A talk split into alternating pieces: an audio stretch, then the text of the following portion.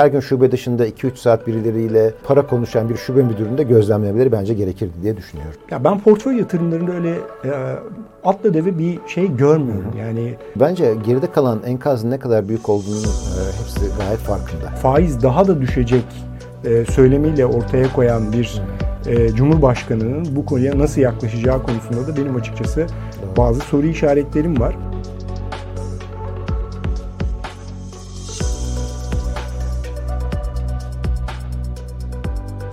Pusula programının ikincisiyle yine karşınızdayız.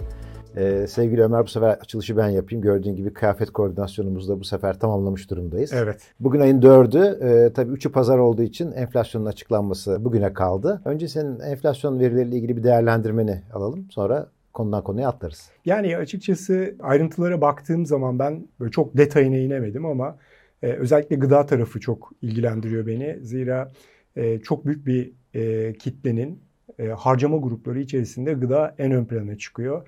0.3'lük gıda artışı açıkçası beni çok şaşırttı öyle söyleyeyim. Çünkü e, en azından kendi deneyimlerimle, çarşıda pazardaki deneyimlerimle bir önceki aya göre doldurmuş olduğum poşetin ne kadar arttığını gördüğüm için şaşırttı diyorum. Beklenti olan zaten 3.7 civarı ki bu Doğru. Bloomberg'teki beklenti.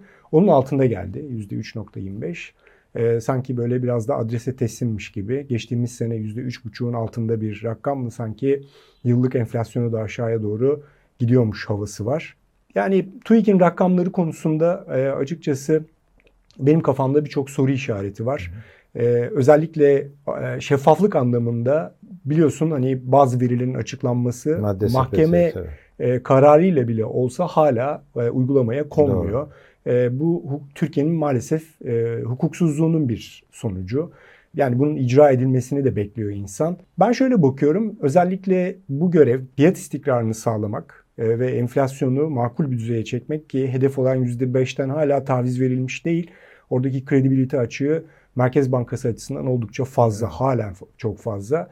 Yani böyle bir çerçeve içerisinde e, TÜİK'in şeffaf olmaması, bu konuyla ilgili eleştiriler konusunda hiçbir geri bildirim alınamaması, sorulan, verilen sorulara yanıtlar alınamaması e, kafalarda soru işareti yaratıyor. O nedenle hala kurumsal çerçeve anlamında baktığım zaman ben Merkez Bankası'nın yapmaya çalıştığı o iyi niyetle, gayretle yapmaya çalıştığı e, para politikasının e, bir yerde sekteye uğradığını görüyorum. E, Bugün Enak'ta vardı. E, Enak e, %5'in üzerinde bir Doğru. enflasyon açıkladı. E, ben o nedenle bugün bir tweet de attım. Hani benim yaşadıklarıma en azından mantıksal olarak yakın olduğu için bu son dönemlerde güven üçgenini çok kullanıyorum ben. Ee, özellikle samimiyet, mantık e, ve empati konusu. O üçgenin belirli bir e, açısını tamamlayan, belirli bir e, en azından noktasını tamamlayan mantık konusu benim yaşadıklarımla birebir örtüştüğü için en an verileri sanki bana daha doğruymuş gibi geliyor. Maalesef ki e, TÜİK anlamında açıklanmış olan enflasyon e, biraz sanki böyle adrese teslimmiş gibi duruyor e, benim e, gözümde. Evet. E, ben de şöyle görüyorum. Yani özellikle bahsettiğin şeffaflık konusunda bence hakikaten hala çok gerideyiz. Yani daha önceki hükümetten zaten böyle bir şey beklemiyorduk. Ama teknik kadro bu kadar değişmişken işte Hafize Gaye Erkan, Mehmet Şimşek ve Merkez Bankası Başkan Yardımcısı teknik kadro bu kadar değişmişken eski oyun planının yani o 4-4-2'nin hala devam ediyor e, olması benim için bir soru işareti. Aynı şeyi Merkez Bankası verilerinde de ben gözlemliyorum. Yani İhracatçıdan ne kadar döviz alıyor Merkez Bankası? Bunu açıklamak e, çok zor bir iş değil. Çok İsteseler doğru. açıklarlar. Çok doğru. E, bunu günlük açıklamak eğer e, sizin planlarınızı bozuyorsa bir iletişim yaparsınız. Ya ben bunu açıklayacağım ama ben bunu aylık açıklayacağım. Üç ayda bir açıklayacağım diye e, hani belki daha önce bizim açıkladığımız günlüğü çok şeffaf görüyorsanız daha uzun vadelerde bir şeffaflık planı vaat edebilirsiniz. Bu da yeterli olur. Ama en azından Merkez Bankası bilançosunun özellikle döviz dengesinde bütün e, ülkeyi bu kadar ilgilendirdi. Daha önceki e, hükümetler döneminde e, 128 milyar dolar skandalıya en azından bundan sonrası için bir şeffaflığa imza atılmasını ben beklerdim. KKM'den ne kadar döviz alındı, ne kadar döviz satıldı bunların hepsi hala Kurumların ne perdesi. kadar keza, Kurumlar birimlerin, birimlerin, ne, bireylerin ne kadar, TL'den ne kadar geçiş oldu. O kadar çok şey kadar var ki yani oldu. ama en azından hani bir e, bilançonun döviz girdisi, döviz çıktısının ne olduğunu e, günlük olmasa bile bir aylık verileriyle verilerle e, açıklamalarını beklerdim. Bu niye yapılmıyor? E, bence geride kalan enkazın ne kadar büyük olduğunun e, hepsi gayet farkında. Doğru. E, yani e, devralınan swap sonrası net rezervler 50-60 milyar dolar daha iyi durumda olsaydı yani eksi 50-60 yerine sıfır civarında olsaydı belki bunu yaparlardı. E, zannediyorum biraz e, çekinceleri de ondan. Yani bu iyileşmenin ne kadar zaman alacağının daha şeffaf bir şekilde görülmesini tercih etmiyorlar. Ama şeffaflığı tercih etmemek e, başka e, toplum kesimlerine de başka bir türlü bir yük yüklüyor. Nasıl Hafize e, Gaye Erkan sanayi odası toplantısında e, dedi ki işte siz e, bize destek olun eğer güven itibar e, üçgenini veya ona benzer bir şey söyleyip bunu tamamlamazsanız bir daha çok sıkılaştırmak zorunda kalırız gibi mesaj verdi. Aslında daha çok sıkı evet burada haklı daha çok sıkılaştırmak zorunda kalırsınız ama siz arka tarafa şeffaflık e, koyduğunuzda belki de o kadar sıkılaşmanıza gerek kalmazdı. Bu sıkılaşmanın e, bedelinde en başta kredi kartına %100 faiz ödeyen e, bireyler e, ödüyor. Özellikle sürekli borçlu olanlar. E, böyle bakınca da e, hani o sanayi odasındaki söz güzel, anlamlı ama arka planda e, sıkılaştırma tehdidini yaparken de arka planda da daha yapılacak çok şey var diye okuyorum. Çok doğru. Ben Bernanke'nin son kitabı 21. yüzyılda Hı. para politikası kitabında özellikle belirtmiş olduğu para politikasının bileşenleri olarak %2 teknik anlamdaki yapılacak olan işler, Hı. %98'i iletişim, evet. kredibilite ve güvendir diye söylüyor. E bunu da sağlayan e, arka plandaki o samimiyet, şeffaflık, hmm. hesap verebilirlik gibi konular. Ee, yani ben açıkçası kafamda başka bir soru işareti daha var. Yani daha da sıkılaşabiliriz konusu acaba politik olarak nasıl karşılanır? Yani hmm. daha da sıkılaşabiliriz e, acaba vakti zamanında e, faiz daha da düşecek e, söylemiyle ortaya koyan bir hmm. e, Cumhurbaşkanı'nın bu konuya nasıl yaklaşacağı konusunda da benim açıkçası Doğru. bazı soru işaretlerim var. Çünkü Ekonomide e, son dönemde 5.9 büyüdük. 5.7 büyümeye karşılık. Gerçi e, çeyreklik çeyreklik baktığımız zaman da 0.3'lük bir büyüme var. Türkiye'ye aslında 0.3'lük bir büyüme bu e, nüfus artışında e, istihdam sağlayabilecek bir e, büyüme şeyi değil. Bir de kompozisyonu da aslında evet. o kadar cazip değil. Bir tek makine teçhizat yatırımlarında orada bir miktar artış var ama biz ağırlıklı olarak iç tüketimle büyümüşüz. E, yanında e, yine sanayi var. Yanında aynı şekilde mali kesim var. E, inşaat sektörü %8 gibi bir rakamla büyümüş evet. ki bu inşaat sektörünün büyümesinin arka planında eğer konut arzını karşılayacak bir talep söz konusu olmayacaksa ki bu faiz düzeyinde ben ipotekli konut satışlarının artık çok daha kötü evet. olacağını tahmin ediyorum. Ee, böyle bir çerçeve içerisinde e, açıkçası e, ileriye baktığım zaman evet e, büyüme rakamları tarafında problemli. Belki enflasyonu da düşürücü ama öteki tarafta istihdam ve istihdam dolayısıyla ortaya çıkmış bir homurdanma dolayısıyla e, rahatsızlığı dile getiren ve politik anlamda ciddi baskı yaratan bir ortam görüyorum açıkçası. Doğru. E, ben de parasal sıkılaşmanın şu an için artık yeterli olduğunu düşünüyorum. Yani belki 40'tan 42,5'a 45'e çıkması ne fark yaratır e, diyebilirsiniz ama e, bir önceki ay Merkez Bankası faizi arttırırken kredi kartı faizlerinin arttırılmaması bile e, aslında bunun farkında olduklarının bize mesajını e, verdi. E, siyaseten e, Cumhurbaşkanı'nın e, ne düşündüğü tabii ki önemli bizim hayatımızda. Çünkü e, kafası kızdığı zaman bizim hayatımızı etkileyen, fakirleştiren bir sürü olay gördük. Doğru. E, ama ben de bireysel olarak artık bu sıkılaşmanın yeterli e, olduğunu, arka planda yapılacaklarla yeni bir sıkılaşmaya e, gerek olmadan e, kazanımlar olabileceğini düşünüyorum. İşte şeffaflık bunlardan bir tanesi. Gri listeden çıkmak mesela bunlardan e, bir tanesi. E, yurt dışı e, da yapılacak, yurt dışına yapılacak birkaç tane e, satın e, alma yani veya finansman girmesi yine bunlardan e, birkaç tanesi. E, ama e, gördüğüm kadarıyla e, özellikle bazı e, şeylerde hani ithalatı art, azaltalım e, yönünde mesela şu işte elektrikli otomobillere yapılan son düzenleme gibi e, tamamen aslında ithalat miktarının azaltılmasına yönelik olarak uygulamalar var. Oysa insan hayatını kolaylaştıracak ve içerideki üretimi teşvik edecek bazı e, uygulamalar çok daha verimli olabilir. Örneğin e, işte Merkez Bankası'nın kredi vermesi teknoloji yatırımlarına. Bu literatürde de çok tartışılan bir konu. Hani biz belki ana akın iktisatçı e, diye e, tabir edilenler açısından bu çok kabul edilebilir e, bir şey değil. Ama benim kafamda da hep soru işareti var. Yani Türkiye'de teknolojinin ve ARGE'nin gelişememesi şimdiye kadar ucuz kredi olmadığından mıydı? E, bu ucuz kredi gelince e, buna kavuşmuş mu olacağız? Ben mesela Merkez Bankası'nın veya bir kamu kuruluşunun ucuz kredi vermek yerine doğrudan ortak olacağı bir e, sistemin daha faydalı olduğu olacağını düşünüyorum. İlla bir destek verilecekse. Ee, yani bir taraftan da tabii çok güzel bir noktaya değindin. Çünkü Hı. ben şöyle görüyorum. Özellikle Türkiye'de kurulan startuplar e, ve bu startupların teknoloji bazları o kadar e, dünyaya açılmaya, e, Türkiye'ye özellikle sermaye çekmeye çok e, müsait ki e, bu konuyla ilgili ciddi bir devinim de vardı. Neden dı diyorum? Geçtiğimiz dönemde yapılmış olan bir vergi düzenlemesi dolayısıyla evet. emisyon priminden startupların daha doğru dürüst herhangi bir kar yaratamadan patır kütür vergi ödemeleri dolayısıyla ben e, genel müdürlüklerini veya headquarterlarını yurt dışına taşımaya evet. başladıklarını, buradan gittiklerini, teknoloji anlamında buradan e, maalesef göç ettiklerini görüyorum. E, sadece şirketler değil onların insan kaynakları da göç ediyor. E, yani Şimdi başka bir yerden vergi teşviği vererek onu toparlamaya onu çalışıyorlar. Onu toparlamaya çalışıyorlar. Evet. Ee, ama işte yap boz tahtası gibi olan ve kafa karıştırıcı olan şeyler maalesef geleceğe dair bir takım belirsizliklerin daha da derinleşmesine sebep oluyor. E böyle bir ortamda sermaye gelmiyor. E sermaye gelmediği zaman o sermayenin ortaya koyacağı hatta şunu söyleyeyim enflasyon düşse, enflasyon belirli bir makul yere gelse ve biz o hukuki altyapıyı doğru kurgulasak, hukukun üstünlüğünü ülkede tesis etsek kaynak problemi diye bir problemimizin de evet. kalmayacağına inanıyorum evet. gönülden.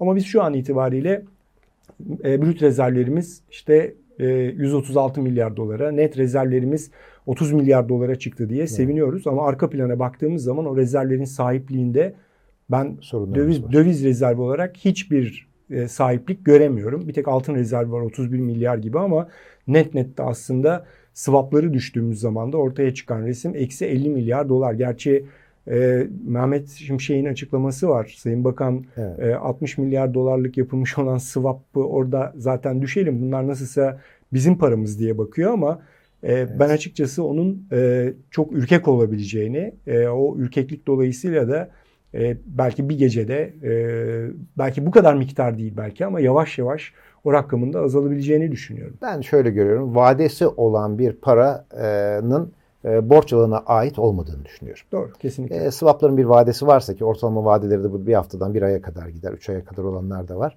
Ortaya bir vade koyuyorsanız e, vadenin sonunda e, o parayı e, iade etme ihtimaliniz vardır. Eğer bunu bir zorunlu karşılık e, olarak e, al, alıyorsanız veya bir gelir olarak, komisyon geliri olarak e, alabiliyorsanız tabii ki o sizin paranızdır ama e, yani zorunlu karşılıkları mesela bu anlamda farklı görüyorum ama e, ortaya bir vade koyuyorsanız e, o vade e, mutlaka ki kısıtlayıcıdır. O yüzden ben o yaklaşıma çok e, katılamıyorum ama tabii dış swapları belki siyasi olarak e, düşünüyor. Yani dışarı dış merkez bankalara yapılan e, swapların siyasi bir baskı yaratabileceğini ama içerideki bankalarla bu işi daha kolay yönetileceğini düşünerek bir yaklaşımda e, olabilir. Bambaşka bir konuya geçmek istiyorum Ömer. E, e, bir özel bankanın şube müdürünün e, tanınan e, futbolculardan özel fon alımında para toplayıp e, sonunda e, işin Ponzi'nin bir yerde patlaması ve gündeme düşmesi. Aslında Nisan ayında bu olmuştu, haberlere düşmüştü ama yargı sürecinin başlamasıyla beraber çok daha popüler bir hale geldi. Hiç isimlere girmeden e, sen bankacılık deneyimine nasıl düşünüyorsun? Sonra ben de topu alırım senden. E, ben aslında e, çok uzunca bir süredir şunu iddia ediyorum Kerim. E, enflasyon bütün kötülüklerin anasıdır. Şimdi enflasyon bütün kötülüklerin anası derken e, bir tarafta gelir dağılımını bozması, Doğru. bir tarafta sanayicinin özellikle yatırım yapamaması, önünü görememesi dolayısıyla sermaye koymaması vesaire vesaire gibi durumların alt kalemlerinde enflasyonun aslında e, elinde para bulunduranların daha fazla getiri elde etmek için bir takım yerlerden referans alıp o referansa istinaden sanki bu çok doğal bir getiriymiş gibi koştura koştura bir takım ünlülerin peşinden gitmesi diye algılıyorum ben. Yani burada aslında finansal e, biaslardan söz etmek lazım. Yani yanılgı diyelim. Evet. E, finansal yanılgılar e, özellikle çok farklı 10 tane farklı finansal yanılgı söyleyebilirim ama burada iki tane finansal yanılgı bana çok ön plana çıkıyor. Bir, dediğim gibi yani bir kişi buraya para yatırıyor diye sanki o doğru yapıyormuş algılamasıyla toplumun geniş kesimlerinin buraya bir kulak kabartması. Gerçi bu e, küçük bir e, grup diye düşünüyorum ben ama e, bunun dışında başka başka bir takım ahlaki problemler de var.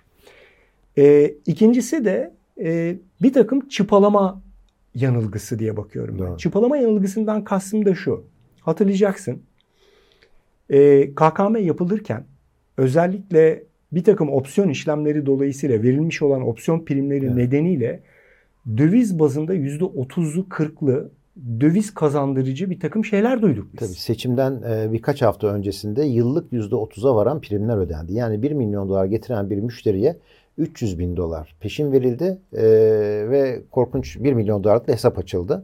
Dolayısıyla döviz bazında %30 getiri aslında vardı Türkiye'de. Vardı evet. evet. Şimdi oraya çıpalama yapıldığı için ben öbür tarafta %40 getirecek, %50 getirecek e, şeyleriyle ya zaten bu hani bankalar veriyor %30'u. Buradaki 40-50 de herhalde biraz daha risk alırsak buraya yönlenip burada kazanç sağlayabiliriz yıllık, diye. aylık falan artık finansal okuryazarlığı biraz düşük e, olan e, kişilerde bu futbolcuları kastediyorum. Bravo. Karışmış da olabilir. O yüzden e, kimseyi hani ahmaklıkla veya cehaletle suçlamanın da doğru olmadığını düşünüyorum. Çok doğru. Yani buradaki o çıpalama etkisi çünkü toplumdaki enflasyon, e, arka planda enflasyonu düşürmek için olmadık yöntemlerle işte kur korumalı mevduat yapmak, o kur korumalı mevduatı daha cazip hale getirebilmek için bankaların yapmış olduğu finansal mühendislik, onun sonucunda ortaya çıkan Türk lirasının oynaklığı dolayısıyla yüksek getiri şeyi ama bunların hepsi birer risk. Ben eski bir fon yöneticisi şapkamla düşündüğüm zaman e, bir toplumdaki aslında finansal okur yazarlığın ne kadar gerekli olduğunu, bunun sadece ortaokulda, lisede değil, ilkokuldan itibaren paranın zaman değeri nedir, enflasyon nedir, nasıl kötülük yapar, bunların e, öğretilmeye başlanması gerektiğini, riskin ne olduğunun iyice algılanması, öğretilmesi gerektiğini, kurumsal yapının ne olduğunu, kurumların ne olduğunu, para yönetmenin ne olduğunu, buradaki güven ilişkisinin nasıl tesis edileceğini, bunların hepsinin tek tek tek tek aslında birer ders anlamında yavaş yavaş o finansal okur yazarlıkla evet. ortaya konması gerektiğini düşünüyorum. Portföy yönetim şirketlerine çok iş düşüyor. Ee, arkasından SPK'ya çok iş düşüyor. Evet. Yani e, mevcut koşullarda aslında geçtiğimiz dönemde yaşamış olduğumuz e, işte Türk lirası tercih et, Türk lirası tercih etmezsen işte şöyle olur böyle olurun zaten toplum nezdindeki geçmiş dönem hafızalarda ortaya koyduğu o kötü e, bir takım e, anılar maalesef canlanıyor. O canlanma daha fazla hırsla kendi risk profili nedir? Kendi risk profiline göre yatırım ufku nedir? O yatırım ufkuyla nasıl bir yatırım yapılabilir sorusunu hiç sormadan birileri oraya giriyor diye demin söylediğim gibi evet. yani orada bir ünlü var. Bu ünlüye güvenelim. Arka planından e, nasılsa buradan paramızı alırız tarzındaki bir şeyle gitmek e, açıkçası ben de e, toplum nezdindeki e, fazlaca getiriyi elde etme hırsı, riskini e, geri plana iterek böyle bir ahlaki çöküntüyü de beraberinde getiriyor. Ki burada kurumlara, burada denetime, hesap verebilirliğe çok e, açıkçası iş düşüyor. Bu kurumları set etmek lazım. Bu konuda sen ne düşünüyorsun onu evet, çok merak yani ediyorum. Ben de tabii bankacılık hayatımda 30 yıla yakın bankacılık hayatımda onlarca buna benzer aslında e, dolandırıcılık e, gördüm ve e, şube müdürlerinde veya banka e, yetkililerinin e, yaptığı ilginç hikayeler e, ortaya çıkmıştı. Bir kısmı üstü kapatılır. Bir kısmı yargıya yani hepsi yargıya gider de bir kısmı uzlaşmaya gider bankayla. Şimdi mevcut bankacılık kanunları içerisinde bu durumun hani bankanın kapatması gibi bir durumun olmayacağı çok net. Çünkü bankanın dışında alışveriş yapılan paralar var. E, ama e, tabii özellikle mesela eğer çift imzalı bir belge varsa bir banka tarafından üretilen burada da büyük bir soru işareti olduğunu da e, düşünüyorum. Ama yani bazı uyarılar yapmak istiyorum e, bizi izleyenlere de. Bir kere e, eğer bir nakit çekeceksiniz veya nakit yatıracaksanız bir şubede e, paranızı e, bunu sadece gişede yapabilirsiniz. Yani o şeyin o gişede de kamera kayıtları vardır. Sizin nakit yatırdığınız, nakit çektiğiniz oradan e, görülür. Hatta nakit çekerken de artık birçok banka belli bir limitin üzerine size SMS gönderir. Bu SMS'le nakdinizi e, çekersiniz. Dolayısıyla şube müdürünün odasında bir AVM'nin girişinde e, banka şubesinin kapısında nakit alışverişi yapılmaz. Eğer öyle bir şey varsa o dolandırıcılıktır. E, bunun dışında e, işte fon, özel fon gibi e, şeyler çok e, ön plana çıkıyor. Hatta böyle işte özel fonlarda çok büyük getiriler varmış gibi yanılsama var. Mesela ben baktım en büyük özel fon hakikaten yüzde dokuz bine yakın bir e, sekiz bine yakın getirisi olan özel fon var. İçinde dokuz bin TL var. O yüzden e, verilerden bağımsız bazı şeyleri analiz etmemek lazım. Ama fonlarınızı kontrol etmenin de çok önemli olduğunu düşünüyorum. O yüzden e, mobil bankacılıktan fonlarınızı görebilirsiniz. Bazı e, bankalar portföy yönetim şirketleriyle veya yatırım kuruluşlarıyla entegre olmayabilirler. O zaman çok daha kolay bir yöntem var.